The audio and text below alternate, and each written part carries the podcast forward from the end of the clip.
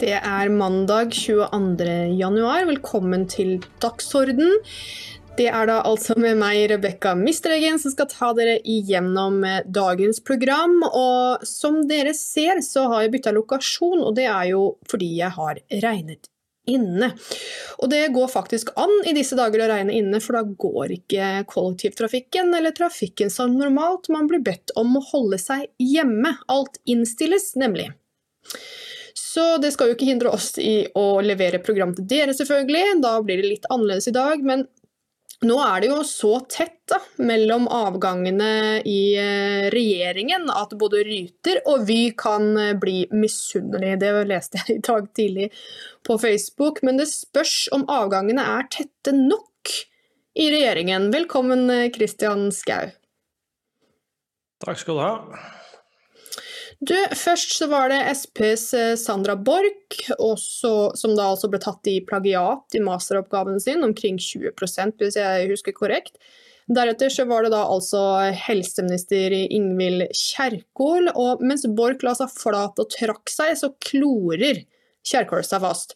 Først så mente hun da at teksten var en metodetekst, og at den ikke var kopiert. Og så sier hun at hun glemte å legge til kilder, hvilket betyr da altså at teksten er kopiert, til tross for at hun iherdig insisterte på at den ikke var det. Eh, og nå sier hun at det er en redigeringsfeil, Christian. Eh, hvor stor troverdighet, eh, troverdighet har Kjerkol eh, her?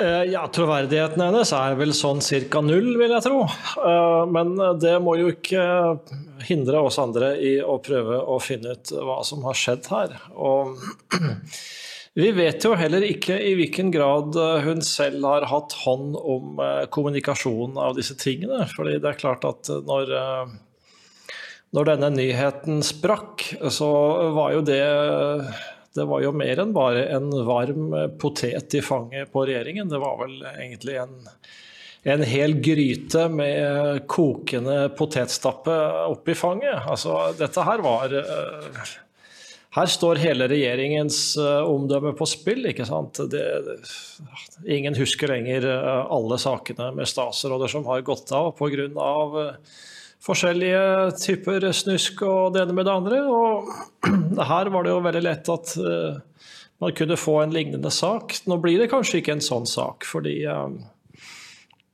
den tredje forklaringen hun har disket opp med, er jo sannsynligvis den som er riktig. At Uh, I den delen av oppgaven så hadde hun helt sikkert latt seg uh, inspirere av tidligere akademiske arbeider, og så har hun glemt å fjerne noe som ikke skulle vært med i den endelige versjonen. Det er vel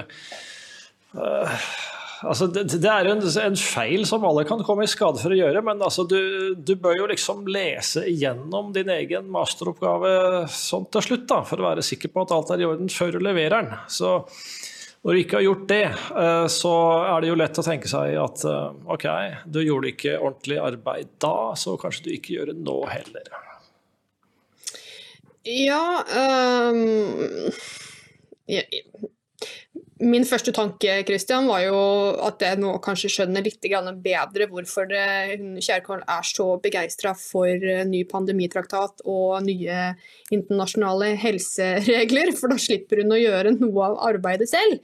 Ehm, men eh, altså, det står jo ikke akkurat mye troverdighet om dette, dette universitetet, det er vel en filial, så vidt jeg har skjønt, som, eh, som da godkjenner oppgaver ja, som kanskje ikke burde ja, vært godkjent?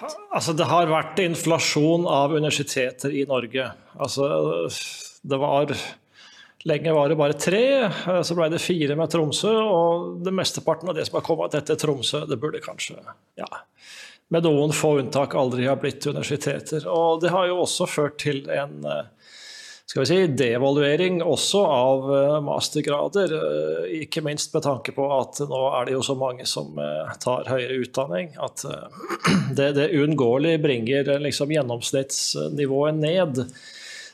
Så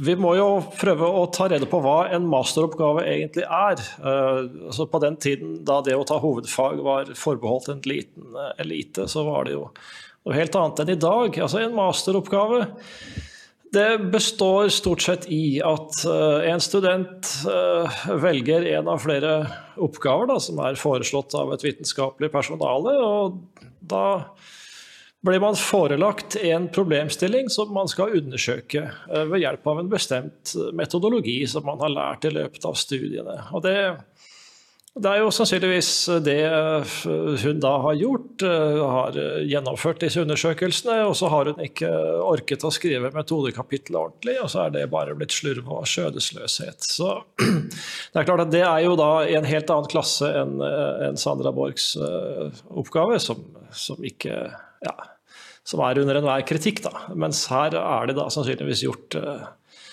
et uh, rimelig hederlig arbeid. I hvert fall hvis vi skal tro han førsteamanuensen i Stavanger, som da faktisk har lest dette her. Og jeg må jo si at noen anklager er litt urimelige. Altså når du snakker om forskningsjuks altså Masteroppgaver er bare unntaksvis forskning. Altså Man uh, bruker kjent metodologi, og så bruker man da den metoden til å undersøke et problemstilling som man blir servert. Det er veldig det er små krav til originalitet i en eh, masteroppgave. Man skal bevise at man kan gjøre noe eh, selvstendig innenfor et bestemt eh, paradigme. Så blir kravet til originalitet selvfølgelig større hvis du skriver doktorgrad eller du publiserer vitenskapelig. Da, da er man i en helt annen divisjon. Så de som snakker om forskningsjuks, de tror jeg kanskje er mer politisk motivert. Og det er det selvfølgelig fristende å være. Altså, det er fordi det er så lett å tenke at eh, hvis du slurver med det ene, så slurver du med det andre. Og hvis du klipper og limer eh, på masteren, så kanskje du gjør det i helsepolitikken også. Altså, mener, ikke, vi vet jo det at eh, det er veldig liten selvstendig politikk i Norge på de fleste områder, så det passer jo fint inn i det bildet, da. Jeg har et spørsmål når det gjelder da offentlige stillinger og mastergrader, men jeg tenkte jeg skulle høre med deg først, Christian, før jeg går over på det. Hva, uh, bør Kjerkol ta sin hatt og gå? Altså, det spiller jo etter hvert mindre rolle, ikke sant. Fordi du vet jo bare at hvis hun forsvinner, så kommer det inn en annen av samme støpning. Uh, altså, de rekrutteres jo fra den samme klassen av mennesker. Og altså, du vet, Når det er blitt så mange individuelle historier, så er jo egentlig individene etter hvert mindre interessante. Altså, det er kjedelig for dem personlig at de blir uh, tatt med buksene nede. Da. Men du vet, da er, det, da er det et kulturelt problem.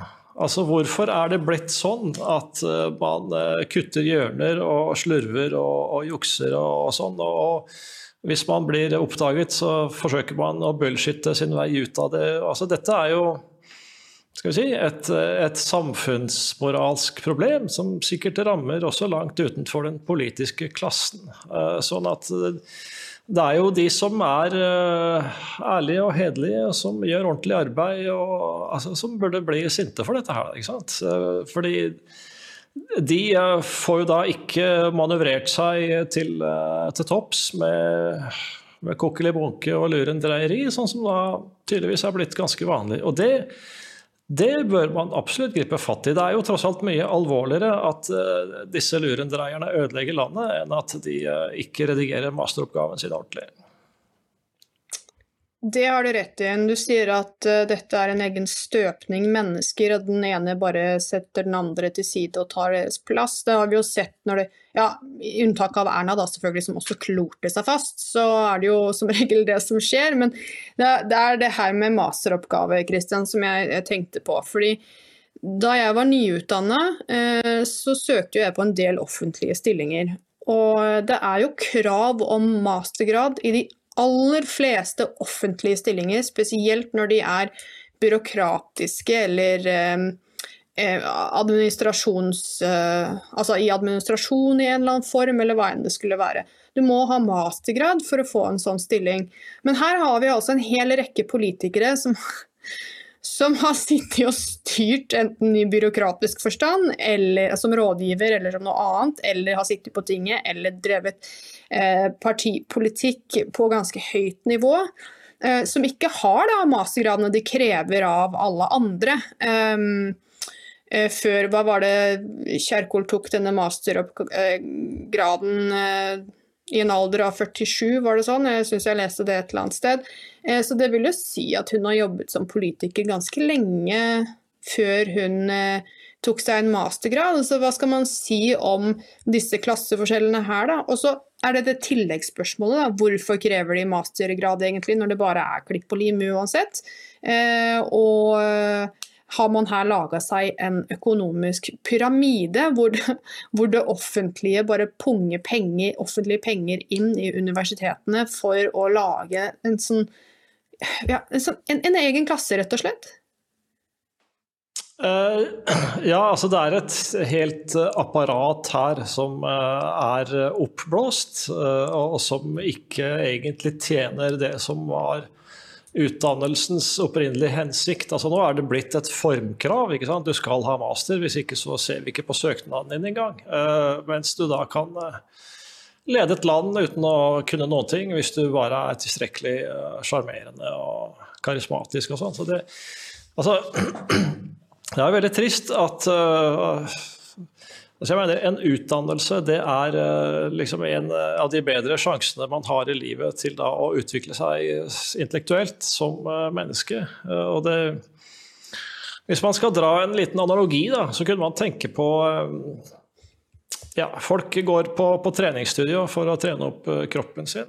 og ikke fordi de nødvendigvis trenger alle disse musklene. Altså, jeg mener, Hvem er det som trenger en triceps i et moderne samfunn? Altså, hvis ikke du ikke er i nærkamp på Oslo S eller noe sånt. Da. Men uh, det, det, å, å, det, å, ta en utdannelse og studere og fordype seg i uh, ja, problemstillinger, det, det, er litt som uh, å trene da opp hjernemuskelen. Eller mange forskjellige nervebaner i hjernen. og det det kan man godt sammenligne med å trene, trene kroppen. Så det er jo noe man bør eh, liksom, ta på alvor da, for, sin, for, sin, egen del, om ikke annet. Men eh, her er det jo tydelig at, eh, at den masteren var jo bare en, en hindring i veien på, på Kjerkols øvrige program.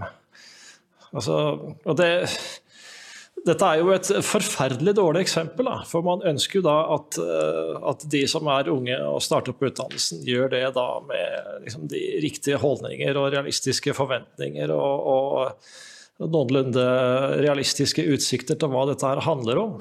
Hvis, hvis, dette blir eh, ødelagt da, av ren karrierestreben, så, så går jo noe veldig eh, verdifullt tapt. Altså, mennesker utvikler seg da ikke så mye som de kunne ha gjort. Så det er et, et menneskelig tap for samfunnet, rett og slett.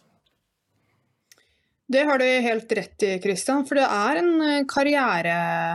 Det blir et karrierejag fordi alle krever master. Jeg husker jo det selv fra min egen utdannelse. Da jeg var ferdig med bachelor, begynte på master. For jeg, det, jeg måtte ha master for å, for å, få noen som helst jobb, ikke sant? Men så fikk jo ikke jeg skrive om det jeg hadde lyst til, og da da droppa jeg rett og slett masteren. Jeg har klart meg fint da, uten mastergrad. Eh, til og med bedre enn Kjerkol, så kan jeg påstå på mange områder. Så jeg, jeg syns det har vært helt greit. Men, men, det er jo ikke lenger den søkende til informasjon eller å fremsette kritisk tenkning eller å være trappen inn på forskningsstadiet Christian, som det en gang var. Det er nok det for en del enda, jeg skal ikke ta det helt vekk fra folk. Men ja da, når du krever når man krever master på alle, på alle fagområder, altså mange av de eh, studiene vi har i dag, kunne jo like gjerne vært klovneskoler. Det, gir deg ingen uttelling i arbeidslivet annet enn på metode, og hvis metode er greit å kopiere, så kan vel alle bare kopiere noe metode, da. Ja, ikke sant. Altså det, det, blir, uh, Hvis vi skal dra en sammenligning med næringsmiddelindustri, da, så kan vi jo si at det blir uh, veldig mye pølsefabrikk.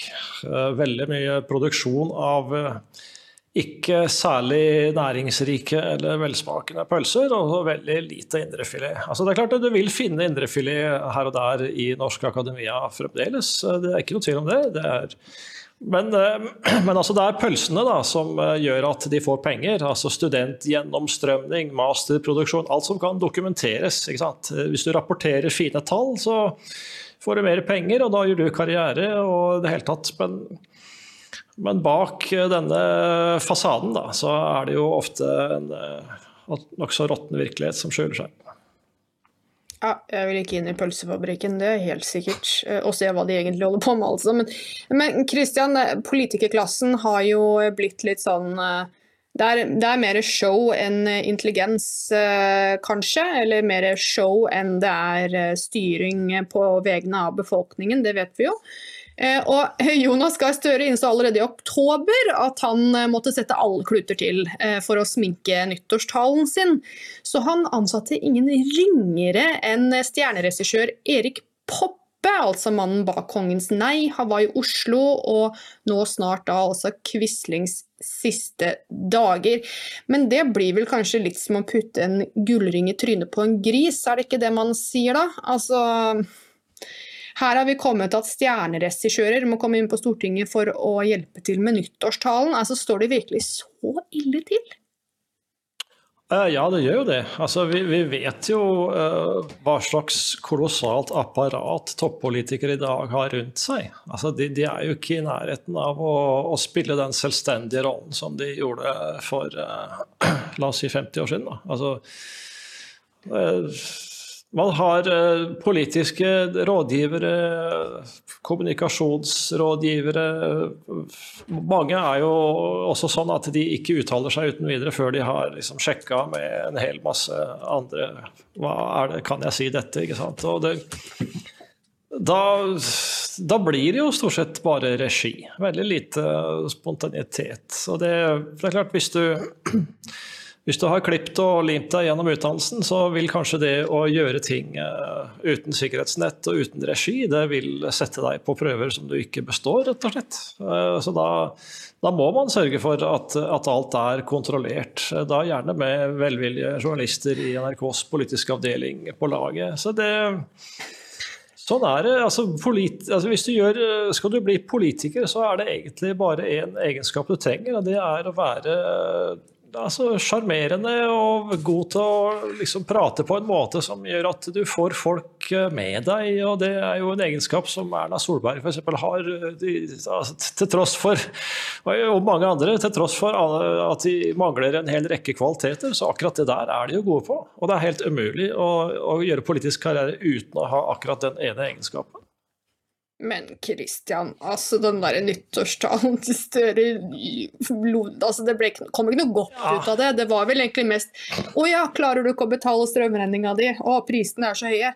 Men du kan alltid trøste deg med å se mot stjernene.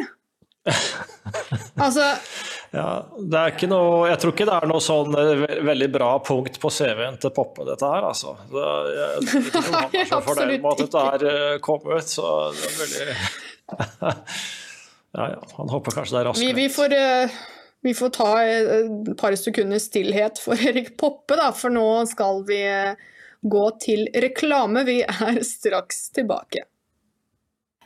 Hei! Vi i Dokument er glade for at du Leser oss hver dag. Lytter til dokumentradio. Og ser på Dokk TV. Redaksjonen produserer døgnet rundt og trenger både abonnement og donasjoner. Dokument er unikt i Norge. Vi er det eneste virkelig konservative mediehuset. Støtt oss på VIPS nummer 638941.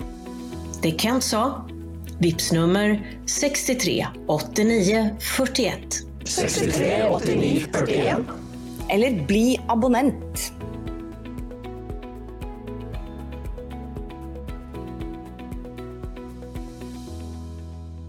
Er du lokallagsmedlem? mm, ikke det? Nei, da har du muligheten å melde deg inn. Velkommen til oss. Men hva skal vi egentlig med eksamen, eller politikere for den saks skyld? For nå spår nemlig forskere at kunstig intelligens vil påvirke arbeidsliv, kulturliv, krig, politikk, helse og underholdning på en rekke måter de neste fem årene. Det er jo ganske kort tid. Ehm, Forskning.no har altså snakka med professor Morten Goodwin og førsteamanuensis Per Arne Andersen om ti spådommer eh, hvordan kunstig intelligens vil endre verden frem mot år 2029. De sier bl.a. følgende eh, jeg tror ikke eksamen vil finnes om fem år. Hvorfor skal vi teste noe kunst, som kunstig intelligens kan gjøre bedre enn oss? Det kommer fortsatt til å finnes høyskoler og universiteter om fem år, men de vil ikke være slik som vi tenker på dem i dag, sier da Gudvin til forskning.no. Og Kunstig intelligens kan hjelpe politikere med å ta beslutninger om alt fra sykkelstier til nye sykehus, det gjør jo EU allerede, men uh, digitale assistenter i hjemmet hos vanlige mennesker vil også bli mer utbredt. Utdanning på alle nivåer vil bli annerledes, og kunstig intelligens vil forme måten vi lærer på. Hva skal vi egentlig med mennesker Christian, når vi har kunstig intelligens? Nei, altså de er jo bare i veien. Altså ufullkomne og CO2-pustende og jeg mener det, Jeg vet ikke. De, de har sannsynligvis Nei, skal, la oss ikke gå inn på seksuelle preferanser. Men altså de, mennesker er bare i veien i dette perfekte samfunnssystemet. Altså de, de, burde jo da helst bare være hjemme i værlockdown, sånn som du er nå, og spise sprøstekte sirisser i melormpuré og, og kose seg med det. Og, ja. Eh, så mennesker de er bare olje og drivstoff i et økonomisk maskineri som eh, kan skalte og valte med oss som de vil. Altså, det, det, jeg vet jo ikke i hvilken grad disse forskerne setter ting litt på spissen for å prøve å provosere litt diskusjon, men uh, hvis, uh, hvis, man liksom skal la kunstig intelligens overta alle mentale funksjoner som mennesker har gjort til nå, så så vil man jo ende opp med en menneskehet bestående av lallende idioter, da, bortsett fra en ørliten eh, minoritet som da har lært seg å tenke. For det er, det, det er jo det dette handler om. Eh, man har utviklet hjelpemidler som eh, da besitter både kunnskap og evne til å resonnere. Og så da kan du istedenfor å huske kunnskap selv og lære deg å resonnere selv, så kan du sette en maskin til å gjøre det. Eh, men eh, da blir, eh, da blir, man klart mye dummere. Altså hvis, hvis du går som barn inn i skolen da, og, og, begynner å lære å ja, gjøre regnestykker og huske kunnskaper og prøve å slite litt med dine egne vurderinger, forsøk på å skrive norsk stil, så, så er jo det slitet noe som gjør at du får mentale muskler. Og eh, de mentale musklene gjør deg jo da bedre i stand til også å bruke kunstig intelligens på en fornuftig måte. Altså Kunstig intelligens kan eh, helt sikkert være en god tjener, men eh, er ganske sikkert også en ganske dårlig herre. Så det, det Gudvin antyder, er jo at uh, kunstig intelligens dermed skal bli en, en herre. Da. Og det, akkurat i det kongeriket har ikke jeg noe lyst til å leve. Og de som da er uh, litt opptatt av at de skal uh, At barna deres eller barnebarna eller hva det nå er, Eh, ikke skal ende opp som lallende idioter, så bør de jo da påse at de kommer inn i en barneskole som ikke er eh, fulldigitalisert fra dag én. Altså, jeg er helt sikker på at eh, de som, de som er på toppen i teknologiselskaper innenfor informasjonsteknologi, de, de sender ikke barna sine til gjennomdigitaliserte skoler, for de skjønner hvor viktig det er å altså, lære historie og kunne ha, ha, viktige kunnskaper. Altså, du må jo ha intellektuelle knagger å henge ting på når du tar fatt på en ny problemstilling. Ja, hvis du ikke har kunnskaper, altså, hva, hva, gjør du da? Du blir hjelpeløs, du blir lett manipulerbar. Altså, det er da sånn som uh, ja, Det er sikkert sånn som Davos-menneskene ønsker at vi skal være. da. At vi ikke, ikke tenker for mye og gjør som de sier. Men uh, I'm not in. Ja, nettopp. Det er jo akkurat det de ønsker, at vi ikke skal eh, tenke for mye. For det vel, var vel det som ble sagt i Davos også, at uh, hva skal vi med valg? AI kan jo vise oss hva resultatet ville bli, så vi trenger egentlig ikke å gå til urnene. Ja, rett bortsett fra at det ikke ville funket hver gang. fordi Hvis vi tenker på valget i USA i 2016, så viste jo meningsmålingene at Hillary kom til å vinne, men hun tapte. Uh, og, og, alle var jo skråsikre. altså Den der Minerva-gjengen i Norge, f.eks. Jeg husker ikke hvem av dem som skrev at ja, altså meningsmålingene viser jo at dette løpet er kjørt. ikke sant? Altså, men uh, hør her, hva om målingene da ikke forteller deg hele sannheten? Uh, da vil jo også den kunstige intelligensen eh, sannsynligvis forholder seg til data som ikke er fullstendige. Så jeg mener Det ja, jeg satt litt på spissen, det var kanskje.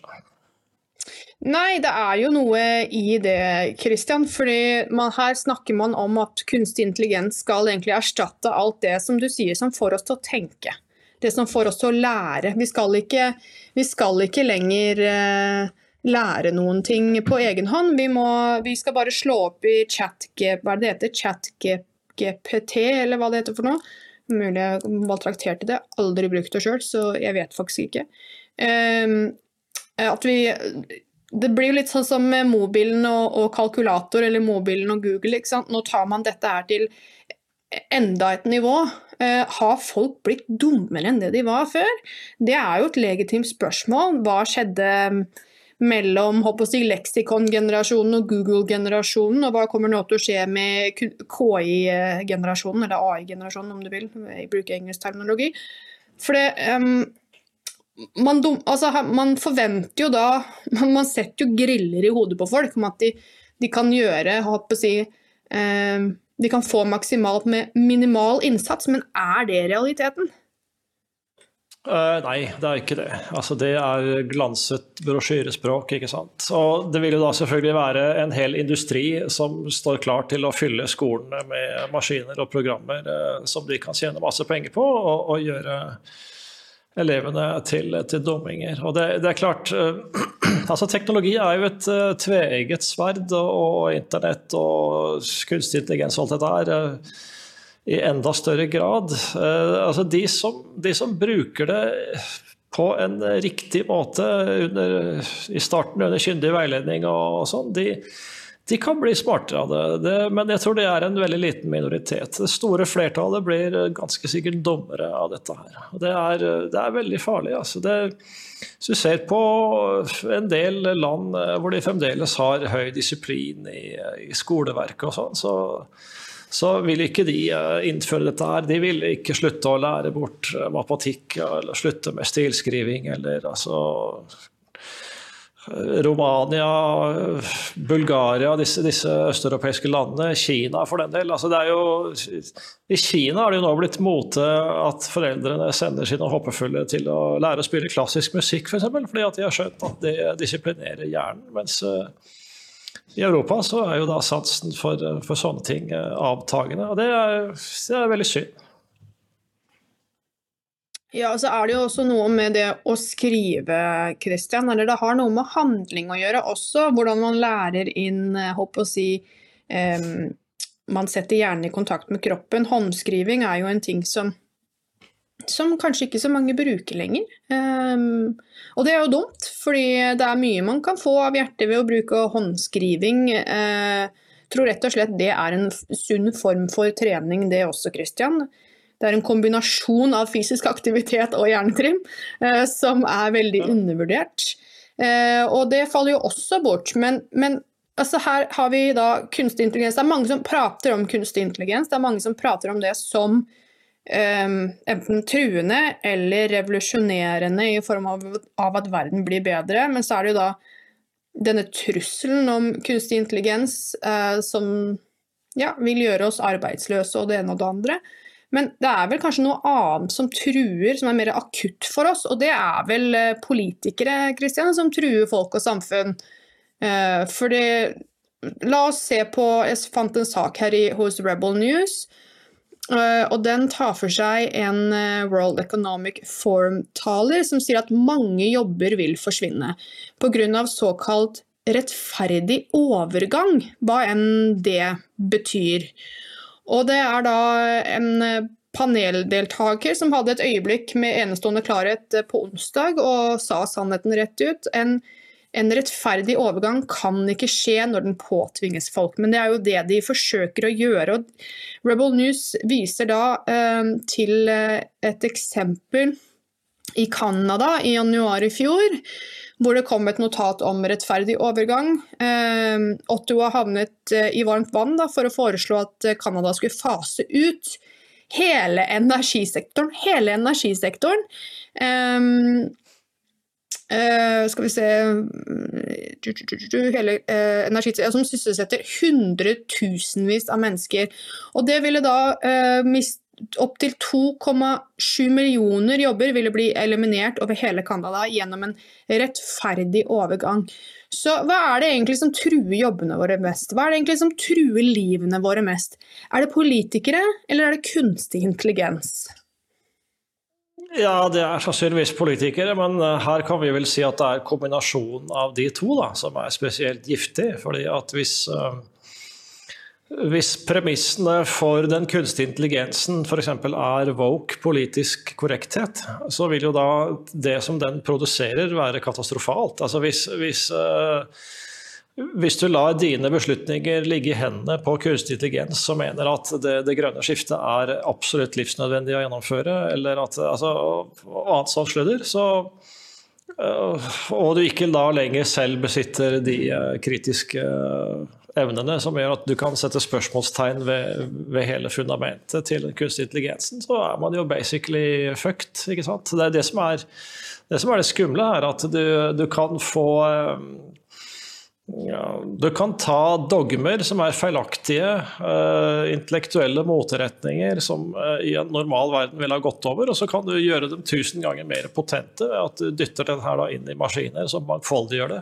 Altså, det er, uh, så du kan jo da du kan mangfoldiggjøre sannhet, eller du kan mangfoldiggjøre usannhet. så Dermed er det et tveget sverd. Så det er da viktig hvem at de, de, som eh, styrer bruken av teknologien er eh, fornuftige, modne, rettskafne mennesker. Og det er det jo veldig liten sjanse for at det blir, antagelig. Altså, hvis man ser på hvem det er som call the shots i dagens verden, så, så det, man risikerer jo da altså, Hva ønsker vi at mennesket skal være? Skal det være en sånn derre slags uh, slimklatt uh, som ligger hjemme og koser seg med kunstige stimuli levert av uh, dette apparatet her, hvor det står en politisk hånd bak. Altså da, jeg mener, Er det et liv som er verdt å leve, da? Jeg tror ikke det. Nei, det er egentlig ganske betegnende for mitt skrekkscenario, Christian, å ligge hjemme som en slit Slimklatt, hva var det du sa, med ristede sirisser i uh, melormpuré.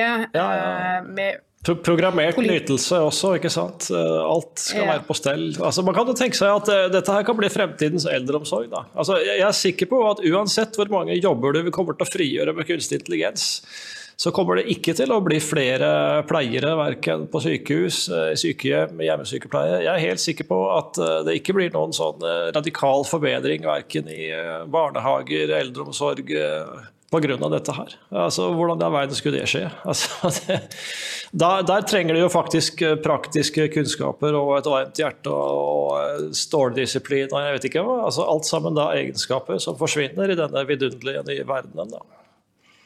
Hvordan kan kunstig intelligens uh, erstatte mellommenneskelige relasjoner? Altså det, det, altså, Menneskelig relasjon er jo mer enn bare samtale eller mental utveksling. Christian. Det er jo også fysisk utveksling, det er jo en energiutveksling. På, altså, det er jo flere nivåer her. Vi er jo ikke bare et hode, vi er ikke bare en sjel, vi er ikke bare en kropp. Vi er jo alle tre. Eh, og ja, ja. kunstig intelligens kan jo ikke erstatte det. Og som du sier, på et sykehjem um, hvordan, hvordan... Ja, det, kan ikke, det, kan ikke, erstatte det, men det kan jo likevel bytte det ut. da. Altså Man sier at ja, ok, nå kutter vi ut dette her mellommenneskelige tullet, og så bare går vi inn i en sånn vegetativ tilstand hvor vi liksom bare lever med ja, musikk og horrorfilm og porno og jeg vet ikke hva. ikke sant? Så ligger du der da som en sånn nytelsesklump i din egen passivitet til du går heden. Altså, ja, det, Dette ble veldig dystert igjen, da. Men, uh... ja, det ble fryktelig dystert.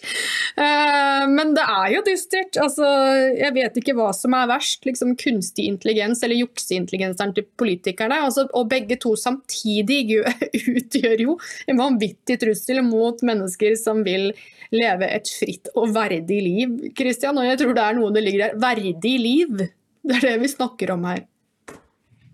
Ja, altså vi må jo håpe at det er tilstrekkelig antistoffer i befolkningen da, til at en føler senere vil trekke nødbremsen og si at uh, hør nå her, altså, er, er, det sånn vi vil leve? Er det dette det vil si å være menneske? Og det, det, jeg syns det har vært veldig lite uh, prinsipiell debatt om disse tingene. Det er mer snakk om ja, sånne tekniske ting. Altså antall arbeidsplasser og sånn.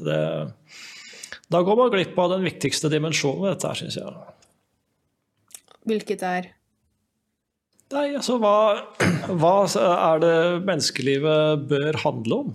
Altså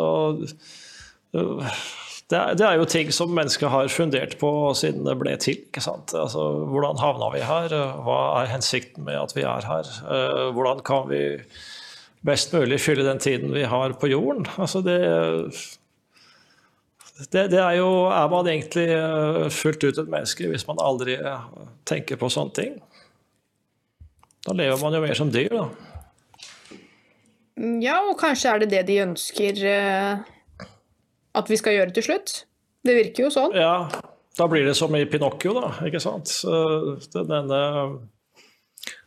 en av de farene som Pinocchio ble utsatt for, var jo Han ble tatt med til denne, denne øya som bare var en kjempediger fornøyelsespark hvor hvor rampegutter ble lokket ut, og der kunne de bare spise snop og røyke og drikke og drive hærverk og jeg vet ikke hva. Og så ble de forvandlet til esler.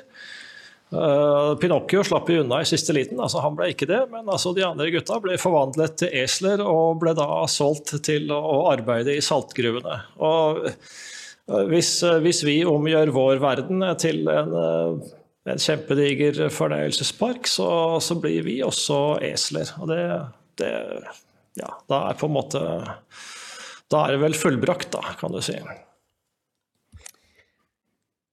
Vi får håpe at det ikke havner der, Christian. Vi får i hvert fall gjøre det vi kan for å legge debatten opp i dager, for jeg har ikke lyst til å bli fanget på Pinocchios Pleasure Island, som den så fint heter på engelsk. Da. Vi vet ikke hva den er blitt omtalt som på norsk. Eh, og bli behandlet til en slave i en eh, kropp jeg ikke lenger kjenner igjen. Um, så det er vel kanskje en symbolikk på å ikke kjenne igjen seg sjøl heller. Altså, og det er jo dit vi er på vei når vi ikke Altså når juks, plagiering, ikke tenke sjøl, ikke tenke kritisk, ikke lære å fordøye våre egne tanker, eller andres for den saks skyld, eh, med oppriktig eh, tilnærming. Um, så vi får, vi får gjøre en innsats, vi da. Vi som kan. Ja, ja. Og så må folk se Pinocchio om igjen. Da. Det er jo litt gøy at en tegnefilm fra 1940 kan si så mye klokt om verden i dag. Ja. Det er som man ikke skulle tro det, men det er en del sånne bøker og fortellinger og eventyr som har gått litt for mye oppfyllelse, Christian. Ja, og de burde kanskje også folk lese. Altså disse dystopiske fremtidsvisjonene. Altså Mange sier jo at Orwells 1984 eh, er jo nå blitt eh, realisme, ikke sant. Det der, og det så jo flere som, eh, som leser bøker da, istedenfor å, å la seg forføre og fordumme av teknologi, desto bedre er det. Så med det, eh, les en bok, og trenger du noe å lese, så kan du finne det på dokumentforlag.no. Der er det masser av skatter, ikke sant Kristian? Ja, vi utgir ikke annet, vi. Nettopp. Da takker vi for i kveld, og så takk til leserne og seerne våre som er med oss eh, selv om ja, jeg er værfast, da, eh, fordi det regner jo ute. Og da går det jo ikke noe kollektivtrafikk, Kristian. Det er helt absurd. om det er verden vi lever i i dag. Så sier vi på gjensyn i morgen og håper at jeg klarer å komme meg tilbake til studio da. Alt ettersom det regner eller ikke. Skinner sola, så må jeg vel kanskje ta med en flaske vann og passe på at jeg ikke blir dehydrert. Jeg vet ikke hvordan det er i disse dager. Ja, det er ekstremt, i hvert fall. Det er, uh, blir lockdown på det hele uka, tenker jeg. Ja, det er ekstremvær ute. Da, da får vi håpe at det ikke er ekstremvær hjemme hos dere, og så sier vi takk for i kveld. Takk for det.